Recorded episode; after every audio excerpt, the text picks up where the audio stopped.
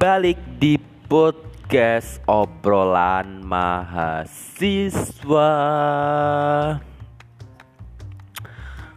Ah, um, gini gini gini gini. Di episode kali ini sebenarnya enaknya ini juga sambil sambil cerita cerita terkait dengan apa ya yang ini juga cerita sih apa yang saya alami ketika momen-momen semester akhir menjelang semester akhir ya bukan semester akhir yakni saat e, melakukan kegiatan kuliah kerja nyata atau yang biasa disingkat KKN ya bukan bukan korupsi kolusi nepotisme loh ya tapi KKN kuliah kerja nyata di masa pandemi seperti ini, kuliah kerja nyata yang dilakukan, yang diberikan, diwajibkan oleh kampus eh, sedikit dimodifikasi, tidak seperti pada saat masa-masa sebelum pandemi. Tidak masa-masa sebelum pandemi. Pada saat sebelum pandemi kita bisa leluasa melakukan segala aktivitas di luar ruangan. Kita bisa berkerumun kita tidak harus prokes itu tapi pada saat pandemi mulai mendera ya mulai mendera kita diharuskan untuk taat prokes kemudian juga um, selain taat prokes kita tidak bisa leluasa akhirnya melakukan kegiatan di luar ruangan ataupun kita tidak bisa berkerumun akhirnya gara-gara kondisi seperti itu. Akhirnya kampus mulailah membuat inovasi-inovasi yang dirasa pihak kampus itu menjadi sebuah solusi agar program wajib satu tahunan pada saat mahasiswa masuki semester 6 biasanya ini bisa bisa dilaksanakan. Sejumlah kampus menerapkan KKN virtual. Ya, bayangkan KKN-nya secara virtual gimana tuh gitu. Dari beberapa pengamatan, KKN virtual itu dilaksanakan kebanyakan hanya kegiatan yang sifatnya pelatihan, pembekalan, ataupun ya semacam seminar, mini mini mini seminar gitu. Karena virtual ya yang paling mudah melakukan kegiatan seperti itu biasanya mendatangkan narasumber yang dirasa itu orang yang dikenal, yang dirasa berkompeten sesuai dengan tema yang diangkat. Ya sudah, mending ada peserta nanti buat umum kita sebagai panitianya yang ikut KKN selesai. Itu kalau KKN secara virtual. Itu sih yang saya tahu karena um, apa ya? Memang pandemi ini membahas segalanya memang benar KKN yang biasanya terjadi interaksi yang memang bagus antara mahasiswa dan masyarakat setempat yang yang apa didiami mahasiswa sekarang tidak ada. Interaksinya dengan dunia maya ya. Orangnya tidak pernah bertemu orangnya tidak pernah berbincang akrab tapi dipertemukan oleh sosial media meskipun hanya dalam satu momen kegiatan virtual misalnya virtual lagi Terus yang kedua adalah secara apa tematik ya. Ini juga juga sangat istilah istilah yang sangat-sangat apa ya? Seperti istilah yang dipergunakan pada saat anak SD gitu kan, tematik. Artinya KKN-nya dilaksanakan di sekitar tempat tinggalnya masing-masing ya. Tempat tinggalnya masing-masing kalau kamu tempat tinggal kamu di desa A ya kamu ditempatkan di desa A. Kalau kamu desa B ya di, desa B gitu. Kakak ini sebenarnya cukup menarik sih kalau yang tematik ini ada sisi baik dan sisi negatifnya ya. Coba kalau kita kupas. Pertama dari sisi positifnya dulu aja. Dari sisi positifnya pada saat KKN tematik di sekitar tempat tinggal akhirnya kita bisa berkontribusi kepada daerah tempat tinggal kita. Mungkin selama ini selama kita mulai dari kecil sampai memasuki bangku kuliah kita tidak pernah memberikan kontribusi sama sekali ya kepada tempat tinggal kita. Misalnya nih kita membuat ide oh bagaimana kalau setiap rumah dibuatkan tong sampah gitu kan. Bagaimana setiap rumah melakukan penanaman tanaman sayur? Itu biasa belum ada tapi ketika kita melakukan sebuah apa KKN tempat tinggal kita, kita bisa membuat hal seperti itu. Itu dampak positif dan juga pastilah karena tem namanya tempat tinggal, pasti nama kita juga sedikit banyak dikenal oleh masyarakat setempat. Yang istri juga bisa membuahkan hasil sih, nama kita pasti di, dikenang. Oh, anaknya mbak itu tuh, anaknya ibu itu sangat berkontribusi bagi kita semuanya gitu sangat berkontribusi bagi kita semuanya. Kemudian kawan-kawanku selain itu juga um, oh ya tadi kan dampak positifnya. Sekarang kita coba geser ke dampak negatifnya apa sih pada saat kita uh, daftar kita ikut KKN secara tematik. Dampak negatifnya adalah ya kalau memang tempat tinggal kita itu masih terpencil ya bukan terpencil masih uh, tertinggal bukan terpencil masih tertinggal dibandingkan tempat daerah-daerah yang lain. Tapi kalau daerah kita itu sudah daerah yang sudah bagus menurut saya masih yang dikembangkan itu bukan bersifat yang bersifat perlu itu hanya sebatas pernak pernik itu saya rasa negatifnya di situ ya seperti kita kalau bahasanya bahasa-bahasa yang paling mudah untuk dijelaskan adalah podo karo ngunyai segoro gitu loh. Sama saja kita memberikan garam pada lautan. Ya nggak nggak ya nggak akan berarti gitu kan. Itu juga sama halnya pada saat kita ditempatkan di daerah tempat tinggal kita sedangkan tempat daerah tinggal kita itu sudah bagus. Tidak ada yang perlu diperbarui tidak ada yang perlu dibenahi buat apa gitu loh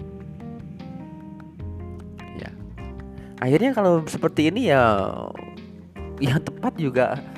Uh, kalau tempat tinggal masih tertinggal juga malah bagus malah justru itu. Sebenarnya kan tujuan KKN itu adalah uh, untuk membangun daerah-daerah yang tertinggal. Kita mengambil di masyarakat yang itu masih memberikan perlu pembantuan perlu ide perlu gagasan perlu karya-karya dari anak muda gitu loh tapi kalau di tempat-tempat itu sudah ada sentuhan yang ciamik ya sentuhan yang baik sentuhan yang sangat sangat bermanfaat bagi masyarakat tidak ya intinya kita itu datang hanya sebatas pernak pernik di situ. Kalaupun nggak ada kita tetap jalan ya kan? Karena itu daerah tempat tinggal kita mau nggak mau kita juga gitu. Itu dampak dampak negatifnya di situ. Akhirnya kadang tidak tepat sasaran karena berdasarkan tematik itu tadi kemudian juga ada uh, ini KKN ya KKN biasa lah ya. Kalau KKN biasa kan kita bergabung menjadi satu kelompok besar kan. Satu kelompok besar yang itu berasal dari lintas prodi lintas program studi.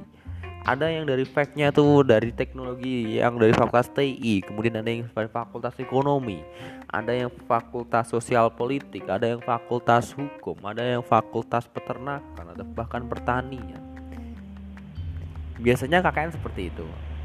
Tinggal ditempatkan di sebuah desa yang terpencil kemudian di sana itu membuat program yang baik. KKN seperti itu biasanya. Cuman di masa pandemi ya hal itu menjadi hal yang dilarang karena berkerumun kemudian nanti uh, sangat rawan itu tadi jelas akhirnya ditiagakan. Kemudian juga ada yang melakukan KKN dengan cara yaitu KKN-nya dibuat secara apa itu KKN-nya dibuat secara kelompok-kelompok kecil gitu kan. Ada kelompok-kelompok kecil pada saat KKN yaitu biasanya ada sih ini saya tuh di kemarin ngobrol sama anak dari kampus Malang ya kampus swasta di Malang itu pada saat dia dia diberikan kebebasan nah kamu berapa orang buat kelompok? Ya silahkan kamu buat pengabdian nanti ada dosen pembimbingnya beres gitu loh. Dan memang berapa itu dari dari fakultas yang sama fakultas ekonomi dan dia membuat sebuah pengabdian di masyarakat. Itu juga bagus sih gitu loh. Gitu tadi sih macam-macam pengabdian. Lah cuman sekarang saya menginjak ke poin berikutnya. Itu tadi kan macam-macam KKN yang diselenggarakan dengan berbagai macam jenis ya. Ada yang secara virtual ada yang secara tematik ada yang secara biasa ataupun kelompok-kelompok kecil yang dibebaskan oleh dosen ataupun pihak kampus. Kemudian ini lebih dalam lagi sih. Ini lebih agak menyindir juga. Ini ada sebuah tulisan coba saya browsing bisa nggak sih bisa nggak ya? Bentar bentar kawan. Ini saya sambil browsing browsing ya sambil browsing browsing karena saya lupa kemarin tulisannya bagus kok. Ada tulisan itu apa tulisan di nganu ya? Di saya saya lupa siapa itu bagus tulisannya.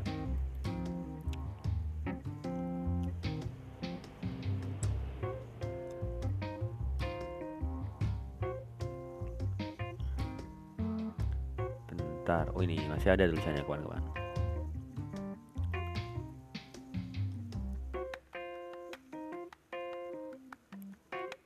Jadi tulisannya bunyinya gini kawan-kawan bunyinya. Kuliah kerja nyata antara kesadaran, beban atau formalitas. Lah, coba ini sebuah sebuah tulisan yang sangat bagus. Coba kalau kawan-kawan sendiri menilai ini seperti apa coba? Kalau disuruh memilih sebenarnya kuliah kerja nyata itu beban, kesadaran atau formalitas gitu kan? Ini tulisannya begini nih ini tulisannya dari yang di, yang nulis itu sebenarnya mahasiswa dari kampus Universitas Negeri Makassar. Nama kampusnya adalah Enaldi. Ya mahasiswa ilmu administrasi bisnis Fakultas Ilmu Sosial Universitas Negeri Makassar. Dulu tulisannya ya, nama besar kampus disebabkan kehebatan mahasiswanya sekarang mahasiswa ingin hebat karena nama besar kampusnya. Bener gak sih? Coba itu direnungkan bener gak sih ya? Kita itu ingin dikenal karena nama nama kampus kita bukan karena kitanya. Bener gak sih? Bener banget ya. Banyak yang gengsi ketika kampus ketika kuliah di kampus-kampus swasta kampus-kampus yang kecil. Ya kan? Kemudian banyak yang membanggakan diri ketika dia berhasil di kampus-kampus favorit tanpa dia melakukan mengupgrade dirinya. Padahal yang benar itu kan yang nilai besar adalah kehebatan mahasiswanya, bukan nama besar kampusnya. Itu. Kampus yang dulunya tempat merumput kaum intelektual di tulisannya ya dari tulisannya Mas tadi, sekarang sudah disusupi dengan kepentingan-kepentingan tertentu. Apakah benar? Iya, eh, tak jarang partai politik itu secara diam-diam masuk lewat organisasi-organisasi yang ada di kampus. Dengan tujuan ini kaderisasi ini kita mencoba mencari kader-kader yang baru nih kita mencari kader-kader yang fresh ini gitu kan. Saya tak jarang dosen-dosen yang harusnya fokus pada hal-hal yang bersifat akademik juga ikut-ikutan hal-hal politik meskipun secara diam-diam. Tapi ini juga sedikit mencoreng sih terhadap dunia pendidikan yang ada di Indonesia. Kemudian eh, seiring dengan hantaman badai laju zaman di tulisannya masnya lagi saya bacakan iklim akademik dalam kampus kian hari kian menepi dari yang semestinya. Terlebih lagi nuansa ilmiahnya kian hari tambah memprihatinkan. Bener nggak sih? Bener bukan hanya mahasiswa loh yang sekarang tidak yang sudah jarang melakukan penelitian. Dosen pun juga melakukan hal yang sama. Kemarin itu dosen saya itu pernah ada yang mengada-ngada loh di penelitiannya. Dibuat ada-ada ya ya secara buat formalitas saja sih. Biar bisa untuk dosen yang wajib buat buat penelitian akhirnya ya dibuat asal-asalan. Apakah ada? Ya ada gitu. Kemudian kalau ditanya lagi Misal salah satunya jika kita merujuk pada Tridharma perguruan tinggi pada poin pengabdian masyarakat dalam rangka perwujudan mencapai poin tersebut beberapa kampus mendesain dengan kuliah kerja nyata sebagai salah satu representasi Tridharma perguruan tinggi. Sebenarnya kalau sebutannya itu tidak hanya kuliah kerja nyata ya, ada yang PMM pengabdian masyarakat mahasiswa kalau nggak salah macam-macam tapi intinya kita melakukan sebuah pengabdian gitu KKN sudah tidak asing lagi telinga mahasiswa. Bahkan hal ini diwajibkan di tataran perguruan tinggi. Dengan tenggat waktu tertentu, mahasiswa ditekan untuk melakukan pengabdian sebagai pertanggungjawaban atas aplikasi di disiplin ilmu dari teoris ke empiris. Pastilah ya, ini selalu di, dikatakan berulang kali. KKN itu adalah kamu menerapkan ilmu pengetahuan yang selama ini kamu dapat di bangku kuliah. Itu sih. Tapi pertanyaannya sebenarnya kawan-kawan itu pernah nggak ngerasa bahwa banyak ilmu banyak pengetahuan yang diajarkan di bangku kuliah ternyata ketika diterapkan di masyarakat itu nggak nggak nyambung gitu. Masyarakat nggak butuh itu itu kan pernah nggak sih pastilah pernah itu kan mungkin saat ini juga merasa hal itu masalah itu skema penyelenggaraan KKN sudah didesain dengan tujuan yang baik. Tapi sepertinya konsep itu hanya menjadi bacaan usang yang selalu dipresentasikan pada saat pembekalan.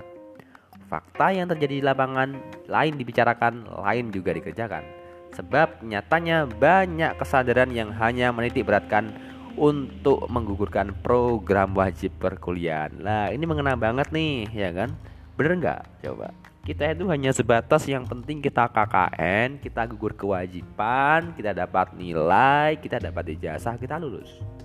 Pernah nggak dari diri kita sendiri memikirkan kita harus mengabdi kawan-kawan bahwa daerah ini masih tertinggal, ini perlu uluran tangan kita untuk berkontribusi, kita harus turut serta untuk membangun kampung itu. Jangan sampai kampung ini tertinggal dengan kampung yang lain. Jangan sampai daerah ini tidak maju karena tidak ada yang peduli terhadap membangun kampung itu. Pernah nggak ya seperti itu? Ya paling ada sih, tapi bisa dihitung dengan jari. Uh, kemudian juga uh, belum lagi jika kesadaran itu bermetamorfosa menjadi momok yang menakutkan Beberapa mahasiswa sudah down atau stres terlebih dahulu ketika mendengar kabar dan membayangkan akan hidup dan tinggal di kubu kecil terpencil. Hal ini menjadi beban sebagai mahasiswa karena merasa tidak sanggup untuk menjalani hari-harinya. Mereka seakan enggan untuk meninggalkan zonanya. Masih masih ada nggak sih mahasiswa yang tipe seperti ini? Yang enggan KKN dengan alasan ya saya nggak mau sih ngekos saya nggak mau sih ngontrak di tempat yang kecil terpencil itu. Lebih baik saya pulang pulang ke, rumah lah atau ngekos di kota lah. Ada nggak sih gitu loh? Saya pikir kalau ini yang salah adalah mahasiswanya sih mahasiswa dengan mental seperti ini harus dibenahi. Hei kawanku kita sebagai mahasiswa tentu kita akan kembali ke masyarakat Masyarakat membutuhkan uluran tangan kita. Masyarakat membutuhkan peranan kita untuk turut serta membangun daerah-daerahnya. Apakah kita juga tega melihat daerah-daerah yang tertinggal? Pendidikan yang masih kurang layak, sanitasi yang kurang memadai. Gitu. Apakah kita tega? Kemudian keagamaan yang berbeda dengan baik gitu ayolah gitu namanya juga berjuang pasti susah kok pertanyaan kemudian ini lagi Mari kita tepiskan permasalahan wilayah. Ayo kita bergegas dan berbicara tentang program kerja.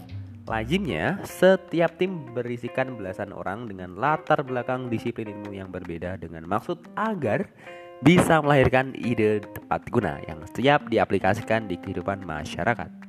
Pertanyaannya adalah, sudahkah program kerja yang dicanangkan dapat memberi efek jangka pendek atau panjang kepada masyarakat? Rasa-rasanya benar juga yang dikatakan Nurdin Abdullah, Gubernur Sulawesi Selatan. Mahasiswa KKN hanya bisa buat patung dan batas desa. Bener gak sih? Coba, ada yang rasa nggak? Kalau dirasa saya memang bener sih kebanyakan mahasiswa itu cuma kita hanya semacam kita pembukaan KKN di di daerahnya masing-masing ya. Bagian tematik kemudian kita semacam buat produk kita bagian ya udah. Gitu kan? Ya udah. Lah kita buat patung papan nama jalan ya formalitas kebalikannya. Lantas bagaimana indikator yang dapat dinilai?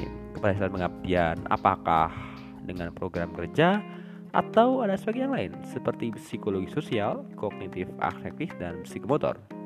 Lantas, program kerja yang seminarkan pun adalah hasil yang warisan turun-temurun dari generasi pendahulu. tidak ada ada hal yang baru sepertinya lokasi yang sering sempat menjadi KKN. Masyarakat sudah tahu menahu kegiatan apa yang akan dilakukan oleh diri saya. Mahasiswa cenderung cari aman dengan membuat program kerja yang mudah sehingga cepat selesai. Padahal seyogyanya untuk meneruskan butuh pergolakan yang panjang agar relevan dengan keadaan masyarakat. True. Mari kita renungkan baik-baik apakah kita bersama dengan kesadaran diri sendiri atau hanya memburu nilai dan berKKN sebagai sebuah formalitas belaka. Selamat berKKN bukan kuliah kerjanya tapi bukan kuliah kerja ngebolang. Ngena sih teman-teman tulisan itu. Ya itu sih coba direfleksikan.